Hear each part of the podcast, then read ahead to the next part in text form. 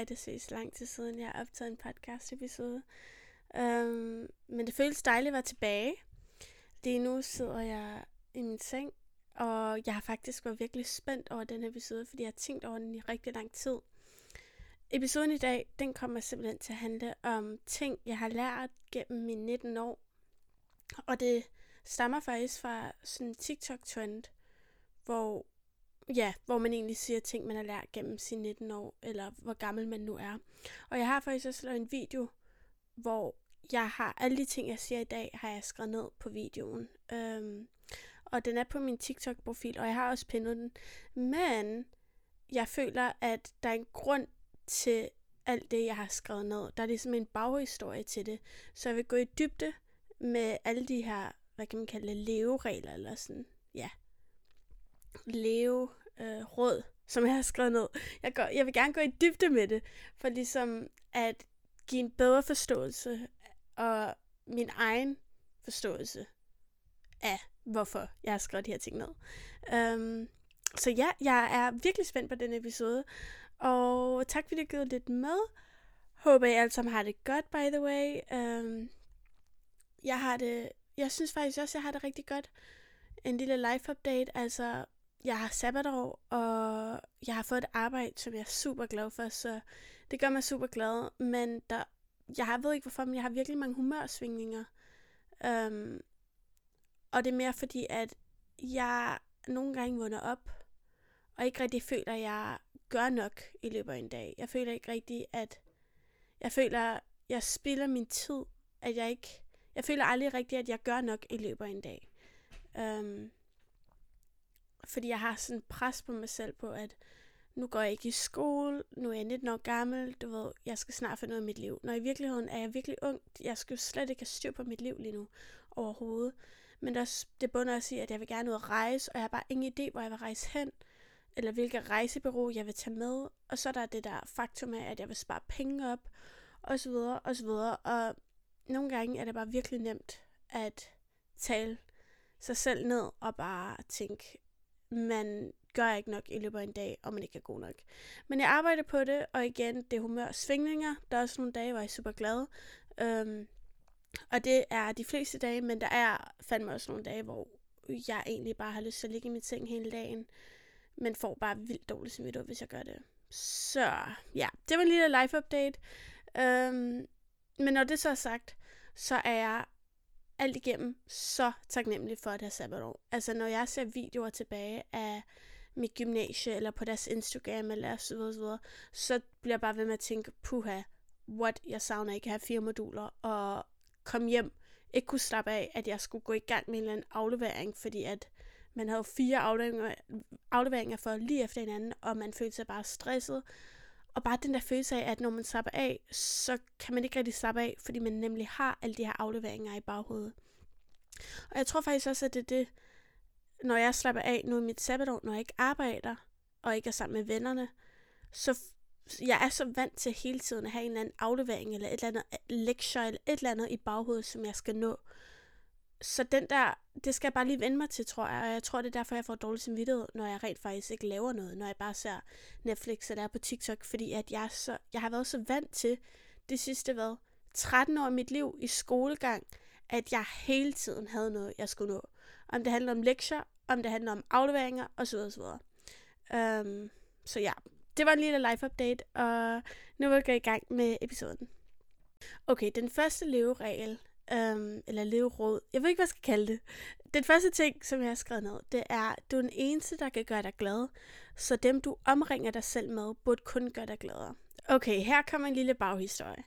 Det, jeg mener med det her, det er, at når du går i seng om aftenen, selvom du sover ved siden af en veninde, en kæreste, din mor, hvem end du sover ved siden af, eller hvis du sover alene, så er det kun dig, som kender alle dine tanker. Du går altså i seng med dine egne tanker. Der er ingen andre, uanset hvor meget du vil ønske det. Der er ingen andre, der kan læse dine tanker, eller være i dit hoved og have din hjerne. Så det er det, jeg mener med, at du er den eneste, der kan gøre dig glad. Um, fordi at du er i virkeligheden den eneste, der kan styre dine tanker. Og på en eller anden måde omformulere de negative tanker. Jeg er personligt typen, der har mange selvkritiske tanker omkring mig selv. Og i lang tid har jeg prøvet at validere det, eller prøve at få de her tanker til at forsvinde ved ligesom at opsøge andre mennesker, tilbringe tid med andre mennesker, ligesom distrahere mig selv og få glæden ved at være sammen med dem, jeg elsker allermest. Når i virkeligheden, når jeg så var alene, så sad jeg jo alene med de her tanker. Der var ingen andre, der lige pludselig kunne distrahere mig selv, eller hjælpe mig med at navigere de her tanker, fordi jeg var alene. Så det fik mig virkelig til at indse sådan der, okay, jeg er i bund og grund den eneste, der kan gøre mig glad. Om det når jeg er sammen med andre mennesker, om det når jeg er alene, om hvad det nu jeg laver, fordi jeg er den eneste, der kan navigere mine egne tanker og fortælle mig selv, dine tanker er ikke rigtige. Fordi der er så mange gange, hvor man har de her selvkritiske tanker, hvor man tænker, jeg er ikke god nok, jeg er ikke smuk nok, jeg er uintelligent, eller så videre, så videre, hvor jeg nødvendigvis ikke lige frem siger det højt. Altså, hvis jeg er til en fest og er super usikker på mig selv, eller I don't know, til en middag, så er det jo ikke som om, jeg siger det højt. Og det er det, jeg mener med, at jeg er den eneste i det øjeblik, og i hver anden øjeblik, der kan fortælle mig selv, der kan stanse mig selv og sige, det du tænker lige nu er ikke rigtigt, du skal tage dig sammen, og ligesom navigere mine negative tanker til positive tanker, og så derefter blive glad igen. Øhm, giver det mening? Det jeg også mener med det, en anden baghistorie, det er, jeg har prøvet så mange gange, hvor jeg er sammen med mennesker eller veninder, og forstå mig ret, jeg har virkelig dejlige mennesker omkring mig. Men der har også været et par gange, hvor alle omkring mig virker glade, men jeg er i virkeligheden virkelig ked af det. Øhm, og nogle gange ved jeg ikke hvorfor.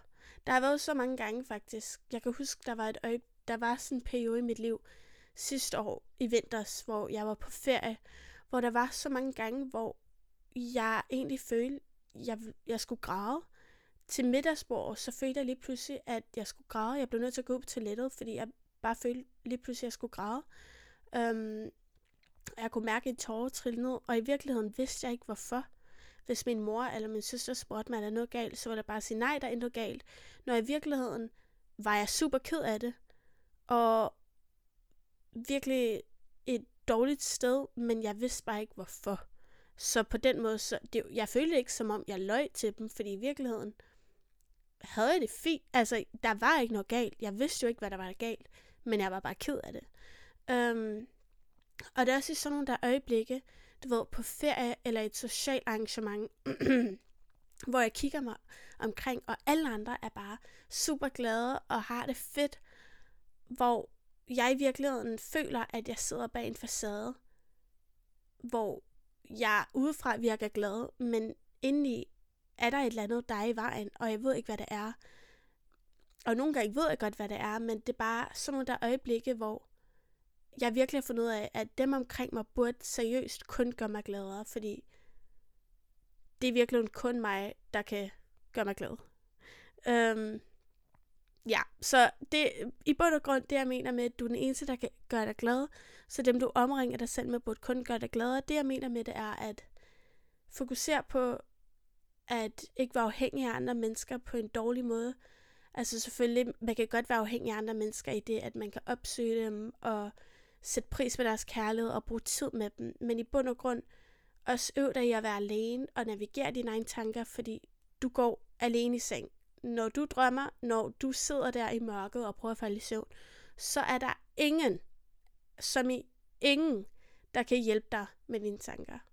Um, og det er netop også derfor, at det er virkelig vigtigt, at dem omkring dig, du skal ikke være afhængig af, at det er dem, der sætter standarden for din glæde. Nej, nej. Du sætter standarden for din glæde, og dem omkring dig, de burde kun gøre dig gladere. Ja, okay, jeg føler, det gav mening. Det kan godt være, at jeg bare plapper løs om et eller andet, men øhm, fuck det. Jeg føler, det gav mening. Okay, her kommer den anden råd. Der er ingen store øjeblikke i livet, kun det nuværende moment.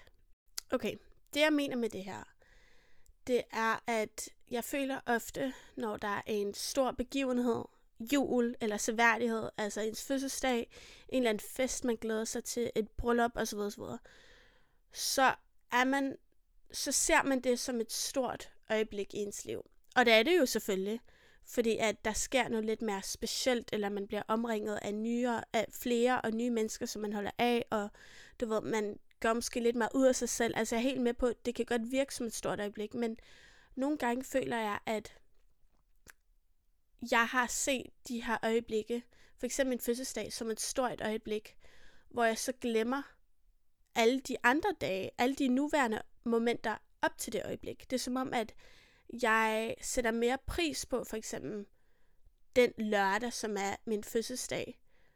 Og jeg glæder mig så meget til den lørdag, at hele ugen går jeg og glæder mig, at jeg faktisk glemmer at bare nyde det nu, nuværende moment. Fordi i virkeligheden er der så mange gange, hvor man har de her store forventninger og tænker, what? For eksempel, lad os tage, min, lad os tage øh, min fød, en fødselsdag, for eksempel. Lad os tage det som eksempel. Det er mandag, og man er fødselsdag på en lørdag, og man glæder sig bare så meget til ens fødselsdag, at man går bare og tænker på det hver dag. Um, det var da man var lidt yngre, at man gjorde det. Det kan jeg tydeligt huske. Det var sådan der, det bedste, at man har fødselsdag. Anyways, man går bare, for eksempel at blive student, det kan man også relatere til, hvis man er lidt ældre. Man går bare og venter hver dag, til det skal ske. Og forstå mig ret, fødselsdag, at blive student, at køre i studentervogn, det er fantastiske øjeblikke. Men jeg kan ikke lide at sætte det på sådan en pedestal i forhold til det nuværende moment, fordi jeg føler nærmest, at jeg sætter ikke pris på den dag, jeg er i gang med at begynde, fordi at jeg netop lever i fremtiden. Jeg glæder mig så meget til de her store såkaldte øjeblikke, at jeg glemmer det nuværende moment. Og der er så mange gange, at for eksempel i det nuværende moment, det der med, okay, et godt eksempel er, når man får grineflip. Det er ikke noget, man kan planlægge på forvejen. Det er ikke noget, som man ser komme ud i fremtiden. Det sker bare i det nuværende moment. Og det synes jeg er så specielt. Og det er endnu et eksempel på, at nogle gange er der, der er søst ikke store øjeblikke i livet. Kun den dag og det moment, du lever i lige nu. Fordi i virkeligheden, de her såkaldte store øjeblikke som jul, det kan godt være, at der er to måneder til jul, men forstå mig ret, hvad nu hvis du ikke lever til jul? Du er ikke lovet i morgen. Så hvorfor hele tiden leve i fremtiden til de her såkaldte store momenter og glæde, altså der er intet galt i at glæde sig til noget. Det forstår jeg fuldt ud. Det gør jeg også selv. Men det, jeg synes er toxic, er, når man glæder sig så meget, at man nærmest ikke kan være i sig selv i det moment, man er i lige nu. Og så går man simpelthen glip af de smukke grineflip og smukke stunder, som man er omringet og er i lige nu her. Okay, det lød virkelig filosofisk, um, men det er det, jeg mener med det. En lille baghistorie for lige at uddybe mig selv en lille smule mere. Det var for eksempel, um, da jeg var til min mor og stedfars bryllup. Hvor det var selvfølgelig et virkelig stort moment, som jeg glædede mig til super meget.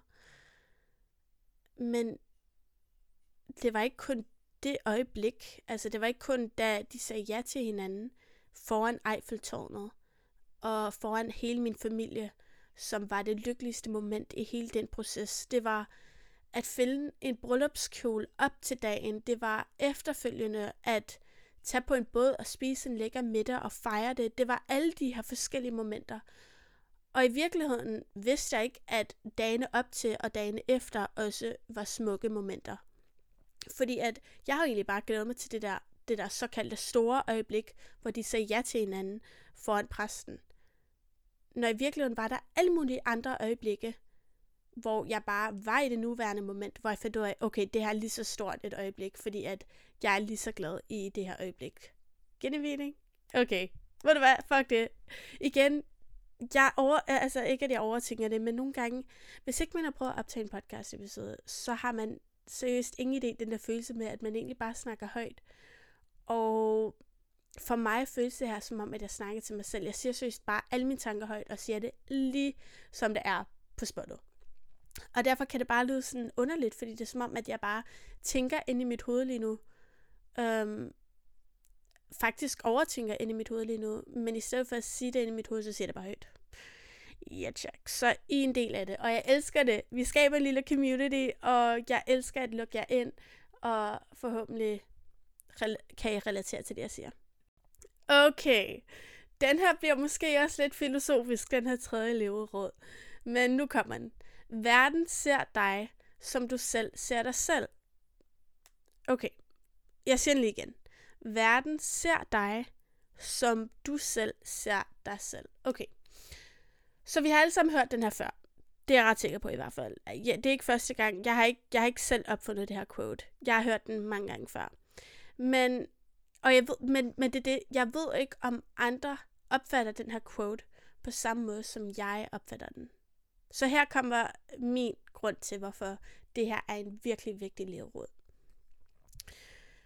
Du kommer i virkeligheden aldrig nogensinde til at vide, hvad andre folk tænker om dig. Og det bunder i den første livråd med, at det der med, at der er ingen andre end dig selv, som ved, hvad du selv tænker, og det er rigtigt. Så i virkeligheden har du, du kommer aldrig nogensinde til at vide, hvad andre tænker omkring dig. Selv hvis de giver dig en lille bitte kompliment den ene dag, så har de millioner andre tanker i løbet af en dag. Og den ene kompliment er selvfølgelig vildt fedt, og du ved, at den her person godt kan lide dig, men du har stadigvæk ingen idé, hvad alle de andre tanker, han har i løbet af den dag, er. Fordi at det er umuligt at sige alle ens tanker højt. Altså, det er jo sindssygt, hvor mange tanker man har i løbet af en dag. Og sådan jeg forstår den her quote, det er, at verden, hvis vi siger, at verden, den måde verden ser dig på, det er i virkeligheden den måde alle andre mennesker ser dig på. Og fordi du aldrig nogensinde kommer til at vide, hvordan de har alle de andre mennesker omkring deres tanker, fordi du aldrig nogensinde kan blive en tankelæser. Fordi det kan man ikke. Man kan aldrig nogensinde vide, hvad andre folk tænker. I hvert fald ikke alle deres tanker. Øhm, så har du selv i dit eget hoved skabt en idé om, hvad du tror, andre mennesker omkring dig tænker om dig selv. Og det kan jo både være på godt og på ondt. Fordi hvis jeg har en vane, eller hvis jeg har en tendens til at tale negativt om, omkring mig selv, så kommer jeg også til at tænke, at hele omverdenen også tænker de samme tanker omkring mig selv. Men hvis man ser på den anden side, hvis jeg tænker positivt om mig selv, så kommer jeg også til at tro, at hele omverdenen kommer til at tænke positivt om mig selv. Og det er egentlig ligegyldigt, om det er faktum eller ej. Det er bare sådan, det er. For eksempel, hvis nu jeg tager et outfit på, som jeg synes er virkelig fedt, så kommer jeg selvfølgelig også til at tænke, at hele omverdenen synes, det er fedt. Men who knows, det kan jo sagtens være, at 9 ud af 10 mennesker, som jeg går forbi ude på gaden, tænker, fuck et grimt outfit. Men det kan egentlig være lige meget, fordi at igen, verden og de mennesker omkring mig ser mig selv, som jeg selv ser mig selv.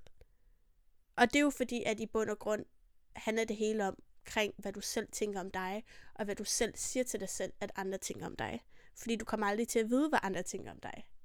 Så på den måde skal du selv bestemme det, end i det der overhovedet.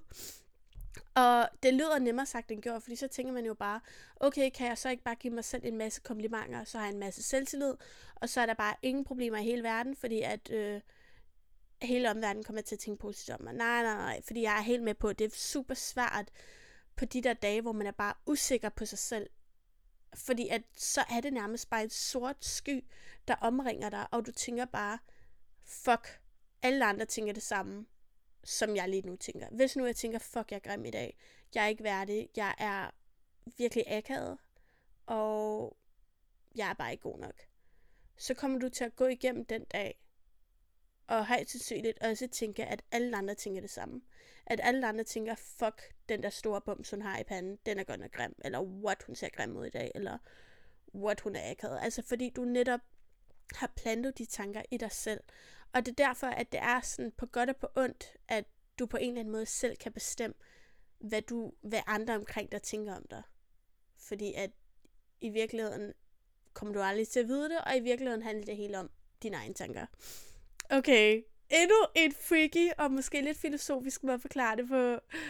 Men jeg tror virkelig, at hvis jeg prøver at forklare det igen, så går jeg kukuk og har ingen idé, hvad jeg siger selv. Um, så ja. Når det så er sagt, så er jeg også helt med på, at man godt kan få indtryk af, hvad andre folk tænker om dig i virkeligheden. Altså, hvis ens kæreste siger, han elsker dig, eller hvis ens mor siger, jeg elsker dig, du er perfekt, som du er, jeg er så glad for at have dig i dit liv, så er jeg også helt med på, at det er sådan virkeligheden er. Det er ikke fordi, at du har negative tanker den ene dag, og din mor så elsker dig mindre. Det er slet ikke det, jeg mener. Jeg tror mere, jeg mener den her quote i sammenhæng, hvor man nødvendigvis ikke kender en person super godt. Hvor det måske mere bekendte, eller du ved, venner, men ikke super tætte venner, hvor man ikke lige frem siger til den ene pige, what, det synes du er mega sød, jeg vil gerne være din bedste veninde, kan vi ikke please tage på en ferie sammen? Sådan der. Det siger man ikke nødvendigvis til en person, man lige har mødt første gang. Um, eller til en dreng, man lige har mødt første gang, og siger, what, jeg vil gerne have babyer med dig, eller what, whatever det nu er. Så det, jeg prøvede at forklare lige før, det var um, i sammenhængen, hvor man ikke er tætte med folk. Måske bekendte mennesker. Eller man er begyndt i et forhold, eller det var det meget nyt. Yes, okay. Det synes jeg var en god øh, sløjfe på min indpaknings... Ja, okay, jeg stopper her. Videre til næste leveråd. Det, jeg synes er virkelig fedt ved den her podcast-episode, det er egentlig, at jeg plapper egentlig bare løs. Mange gange har jeg, du ved, i mine andre episoder tænkt, nej, det er ikke godt nok. Nej, nej, nej, nej, det giver ikke mening. Slet, slet, slet. Op til igen. Her er det bare sådan der, nej, jeg kører bare. Jeg siger det bare. Og så videre. Jeg synes, jeg er virkelig stolt af mig selv. Det var bare lige en, en lille pause, fordi det er ikke tit, at jeg kan sige, what jeg er stolt af mig selv. Men lige nu og her, så er jeg virkelig stolt af mig selv. Ja, tjek. Okay, det er det næste leveråd. Okay, her kommer man. Aldrig sammenlign dit ydre med en anden persons indre. Alle døjer med problemer. Den her quote, den har jeg fået fra min øh, psykolog. Jeg har desværre ikke set ham i ret lang tid, som jeg faktisk er virkelig ked af det over, og jeg skal lige tage mig sammen til at booke en ny tid med ham. Men det var min psykolog, der sagde det her til mig. Øhm, fordi i den periode i mit liv, var jeg ekstra nervøs og ængstelig, og når det kom til sociale sammenhænge.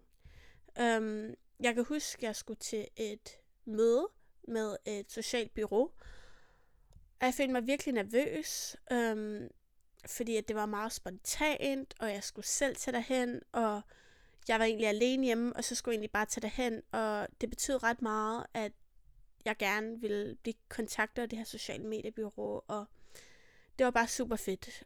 Men det gjorde mig også nervøs og lidt ængstelig, at jeg lige pludselig skulle derhen fra den ene dag til den anden, og ja, det var bare et socialt sammenhæng, og det var lidt ligesom, når man skal på date, man bliver bare sådan nervøs inden, ikke også? Um, og så kommer jeg så til min psykolog og siger det her til ham, og tænker, jeg synes bare, det er virkelig nederen, at når jeg skal til de her sociale sammenhæng, eller mødes op med en eller anden, du ved, jeg gør det, selvom jeg er nervøs, så gør jeg det, og i øjeblikket, så forsvinder min nervøsitet, det er meget low-key, jeg er nede på jorden, jeg har det fedt, jeg synes samtalen er god, øhm, og så forlader jeg stedet og tænker, hvorfor var jeg nervøs? Jeg havde ingen grund til at være nervøs. Det hele gik så fint. Det var endnu livstruende ved det her. Altså, det hele gik så fint. Og så kan jeg huske, at jeg, jeg sagde til ham sådan der, jeg synes, det er så irriterende, at jeg skal overtænke så meget, lige inden jeg skal et eller andet. Fordi jeg ender jo alligevel med at gøre det. Så hvorfor er det, at jeg, at jeg har alle de her overvældende tanker? Fordi det, bare, det gør bare oplevelsen før et arrangement virkelig nederen. Fordi jeg netop overtænker det så meget det er bare virkelig noget, når jeg så alligevel går igennem det, og når jeg ved, at det hele nok kommer til at gå efter. Um, og jeg bliver lettet efter, fordi jeg tænker, what, det var slet ikke så slemt, det var helt fint, det var endda hyggeligt. Um, og så, ja, jeg, jeg, sådan, jeg kørte bare ned på mig selv, og var sådan der, hvorfor gør jeg det her mod mig selv? Um, fordi det virker bare til, at ingen andre gør det. Jeg var virkelig sådan der, jeg er den eneste, der har det på den her måde. Alle mine veninder, hvis de skal til fest alene, eller en middag alene, eller et eller andet. Altså, de gør det. Og jo, det kan godt være, at de er lidt nervøse, men de virker i hvert fald ikke så nervøse, som jeg ville være, hvis jeg var den, der skulle til en middag helt alene. Øhm, Ikke at de gør det tit overhovedet, fordi jeg er altid med dem, men du ved for eksempel, hvis nu man har en veninde fra et andet gym, og ja, whatever. Ja. Men så sagde han til mig, min psykolog, at så sagde jeg netop det her med, at du skal aldrig sammenligne din ydre med en anden persons indre. Nej, nej, undskyld, undskyld. Det er mig, der fucker den op. du skal aldrig sammenligne dit indre med en anden persons ydre. Det er omvendt. Og det han mener med det er, det er for eksempel det der med, at når jeg er til en middag, lad os sige, jeg er til en middag, og jeg kommer alene, og jeg har været super nervøs, og jeg er super nervøs de første 10 minutter, fordi jeg går rundt og smalltalker, jeg kender ikke nogen, og jeg er sådan der, hej, øhm, og alle de her piger kender hinanden, og jeg har måske en tæt veninde, som jeg har, men hun er jo også rundt, hun går jo også rundt og smalltalker og lærer folk at kende, og det er sådan der lidt i, du ved, fordi at det var sådan en nyt socialt sammenhæng, ikke også? Så er det der, at jeg kigger rundt omkring mig, og alle de her piger, er sådan virkelig nede på jorden. De chill, de har fed tøjstil, de snakker bare med hinanden. De griner, du ved, de virker så løs. Og, og selv min egen bedste veninde virker så løs og sådan, er virkelig, har virkelig nemt ved at tale med folk. Så er det, der, så er det det her, han mener med, at jeg skal ikke sammenligne mit indre med en anden persons ydre. Fordi det, det, er, jo, det er jo det, jeg gør. Jeg har, jeg har i virkeligheden ingen idé, hvad de mennesker omkring mig tænker og hvordan de har det. Fordi i virkeligheden, så er jeg måske lidt nervøs og ængstelig, inden jeg kommer til det her arrangement. Men det har de mennesker omkring mig ingen idé omkring. Fordi jeg sætter bare en facade op, jeg er smilende, jeg er udadvendt, jeg snakker bare med alle mulige. Og ja, det har bare ingen idé. Og det er jo det helt samme med alle de mennesker omkring mig. Um, og det gav virkelig meget mening, når han sagde det til mig, fordi jeg var virkelig sådan der, vil det så sige, at der er andre folk, ligesom mig, som overtænker et socialt sammenhæng, eller et vigtigt møde, eller en vigtig præsentation. Men de gør det alligevel. Fordi så er jeg ikke den eneste, der gør det. Det synes jeg var bare så befriende, at han sagde det til mig. Det der med, at du kan i virkeligheden, du kan ikke sammenligne dit indre med en anden persons ydre. Fordi at det er jo ikke retfærdigt. Og alle andre omkring der har sikkert de helt samme tanker på deres indre. De har bare en facade op og virker og får det til at virke så nemt på det ydre. Ja, tjek. Okay, der kommer en lille pause her. Når du lytter til det her, så er det vigtigt at drikke noget vand. Siger jeg og drikker cola. Men vel, jeg skal lige have en slurp. Drikkepause. Jeg elsker selv, når andre podcaster siger sådan der, husk at drikke vand. Fordi at når de siger det, så drikker jeg rent faktisk vand. Og jeg er typen, nogle gange kan jeg godt glemme at drikke vand, hvis jeg er alene. Hvis jeg er sammen med veninderne, så drikker jeg super meget vand. Jeg ved ikke, hvad, jeg ved ikke, hvad, hvad den sammenhæng går ud på. Men øhm, hvis du ikke har drukket nok vand i dag, eller cola for den sags skyld, fordi jeg drikker cola, så tag en slurk og drik noget vand. Okay, videre til den... Ej, jeg håber virkelig ikke, jeg smasker for meget, eller sådan der. Det var klamt at høre. Sådan rigtig er så meget. Nogle gange kan det godt være lidt for meget. Okay, næste livråd. Okay, den her er også rimelig guld værd. Der er ingen, der tænker lige så meget over, hvad du gør, som du selv gør. Undskyld. Du, altså, I ved godt, hvad det er, når man får brus. Når man drikker brus, så skal man hele tiden bøve, så det må du virkelig undskylde. Okay. Jeg siger det lige igen. Jeg blev lige afbrudt.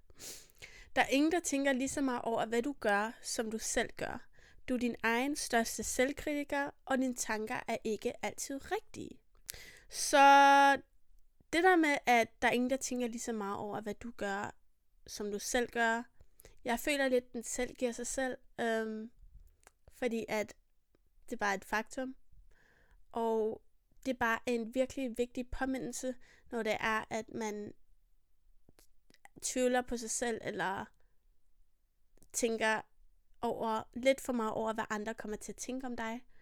For eksempel, når man kommer til en fest, og har brugt 100 år på et outfit, og føler sig stadig vildt grim og usikker. så kan jeg love dig for, at der er ingen andre, der kommer til at huske det outfit, du har på den aften. Det har faktisk et eksperiment, som jeg har lavet rigtig mange gange med mine veninder, når det er, at vi overtænker, hvad andre tænker omkring os selv. Så spørger vi hinanden, kan du huske, hvad en eller anden random pige, lad os sige en eller anden Isabella. Jeg kender ikke en veninde, der hedder Isabella, men nu bruger vi bare det navn som eksempel. For eksempel så spørger min veninde, kan du huske, hvad Isabella har på til den her studentergilde? Så 9 ud af 10 gange siger hun altid, nej, det kan jeg faktisk ikke. Hun kan ikke engang selv huske, hvad jeg har på. Nogle gange kan jeg ikke engang selv huske, hvad hun har på. Fordi jeg tænker slet ikke over hendes outfit så meget, som hun selv gør. Jeg tænker, hun ser godt ud i hvad som helst, men det er heller ikke faktum. Jeg er egentlig ligeglad med, hvordan hun ser ud. Jeg tænker over, hvordan hun fik mig til at føle, og hvilke stunder vi havde til den studentergilde eller den arrangement. Og det er det, jeg mener med, at nogle gange, så har man en tendens til at overtænke så meget, hvad andre folk kommer til at tænke om en. Og det er så nemt bare at blame ens udseende og tænke, åh, de kommer til at tænkte jeg grim, eller et eller andet, der er noget galt med mig, og på den måde vil man prøve at have kontrol over ens udseende og tænke, jeg skal have et fedt outfit på, så kan folk godt lide mig. Når i virkeligheden, altså der er ingen, der kommer nogensinde til at give en fuck på, hvad du har på. Altså jo, det kan være, at en dreng tænker, fuck, hun er lækker, fordi hun har noget flot på, men det hele bunder i selvtillid, og hvad du føler dig tilpas i, og igen, det jeg prøver at sige, det er, at der er ingen, der tænker lige så meget over, hvad du gør, som du selv gør. Og et andet godt eksempel, det er, når jeg poster på TikTok. I virkeligheden, så synes jeg faktisk, det er virkelig grænseoverskridende. Hver gang jeg poster, så synes jeg faktisk, at det er super grænseoverskridende. Og jeg ved godt, at det virker det jo ikke som om, fordi at jeg bliver ved med at poste. Men det er lidt ligesom, når man sender en eller anden risky besked, hvor til en eller anden dreng eller sådan noget, og så smider man bare sin telefon væk med ens veninder og tænker, ah, det man er virkelig nervøs for, hvad den person kommer til at svare, eller et eller andet andet. Øhm, det er sådan, jeg har det, når jeg poster en TikTok. Og der er så mange gange, hvor hvis jeg overtænker det for meget, så sælger jeg bare videoen. Og så poster jeg bare en ny i morgen.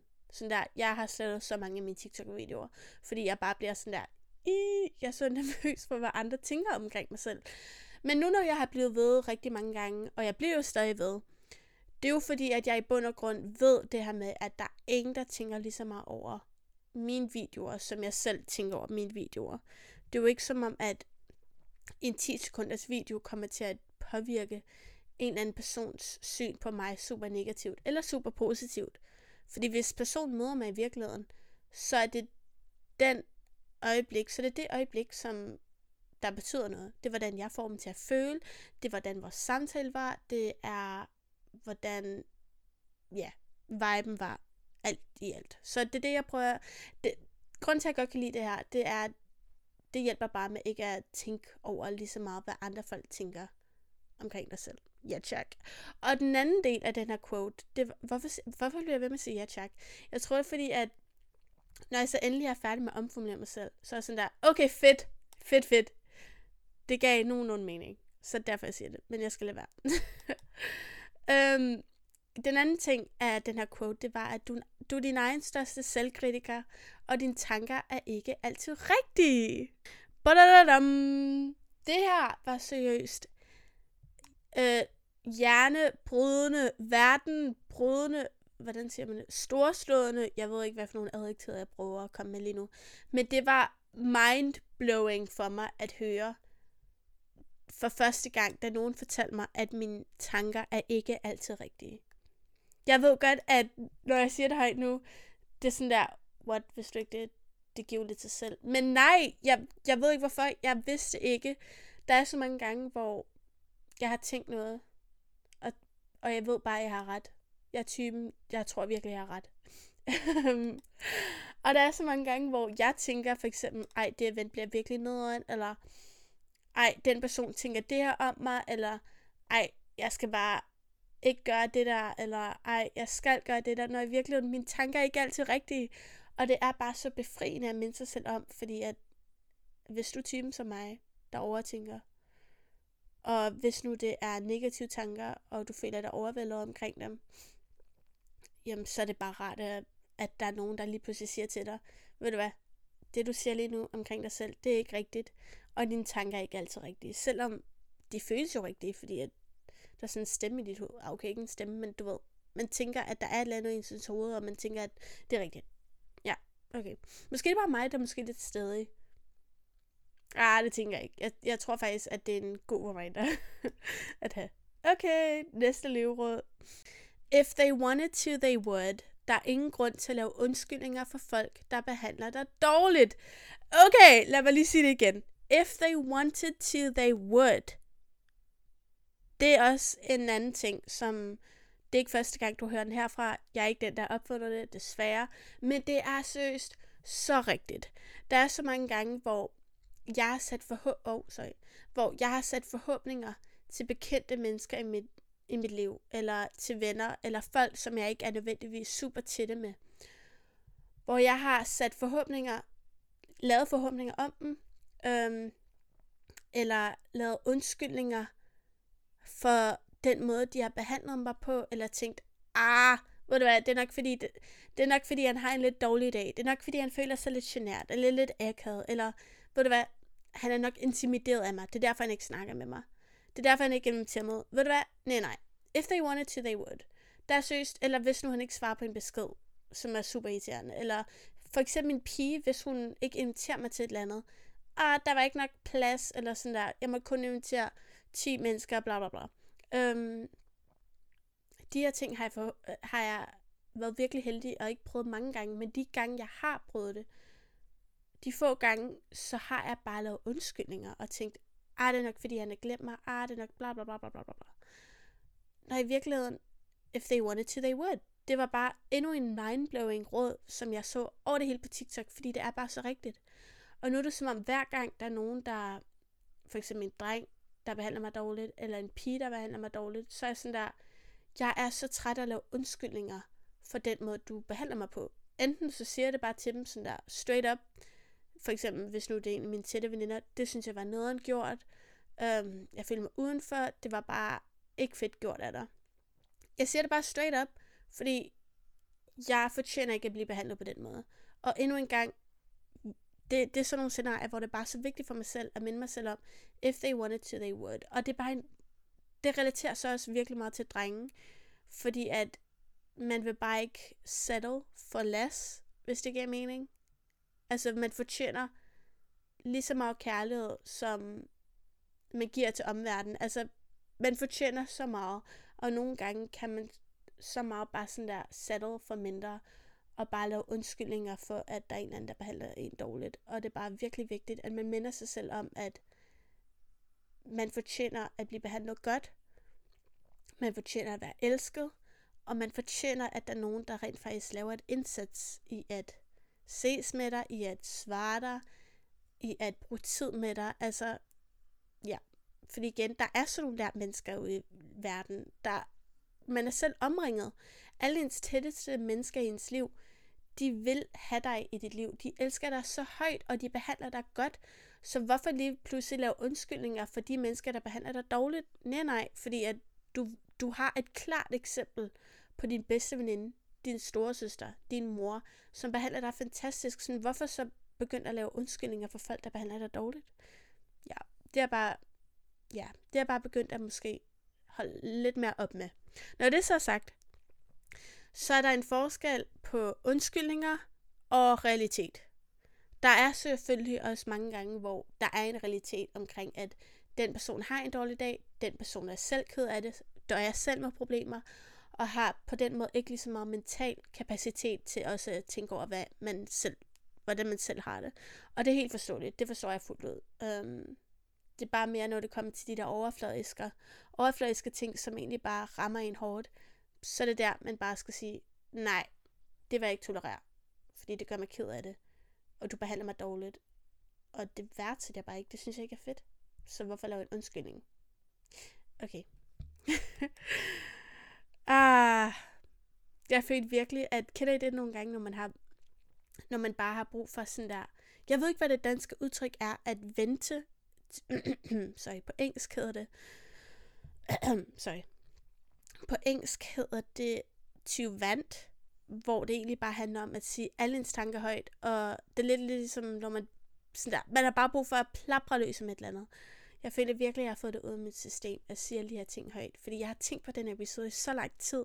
Og virkelig, da jeg postede den der TikTok-video og skrev alle de her leveråd, så synes jeg, at det var meget på overfladen, fordi at alle har en forskellig forståelse af forskellige citater, og det er også derfor, at der er nogen, der har yndlingscitater, forskellige yndlingscitater. Det er jo derfor, fordi man får selv ud af, man får selv sin egen forståelse ud af en, ud af en citat, som afspejler det, man har brug for at høre i ens liv. Så derfor var det bare så befriende og sådan virkelig rart for mig endelig at få sagt min forståelse af de her citater højt for jer. Så ja, det var en god episode. Jeg er glad for, at du lytter med, hvis du har lyttet med. Det betyder utrolig meget. Jeg tror faktisk ikke, du forstår, hvor meget det betyder. Um, hvis du godt kunne lide den her episode, så må du meget gerne skrive til mig på min Instagram, Serafine Salauri. Jeg svarer dig selvfølgelig. Jeg elsker den her lille community. Um, jeg prøver selvfølgelig mit bedste at optage episoder. Det ved du.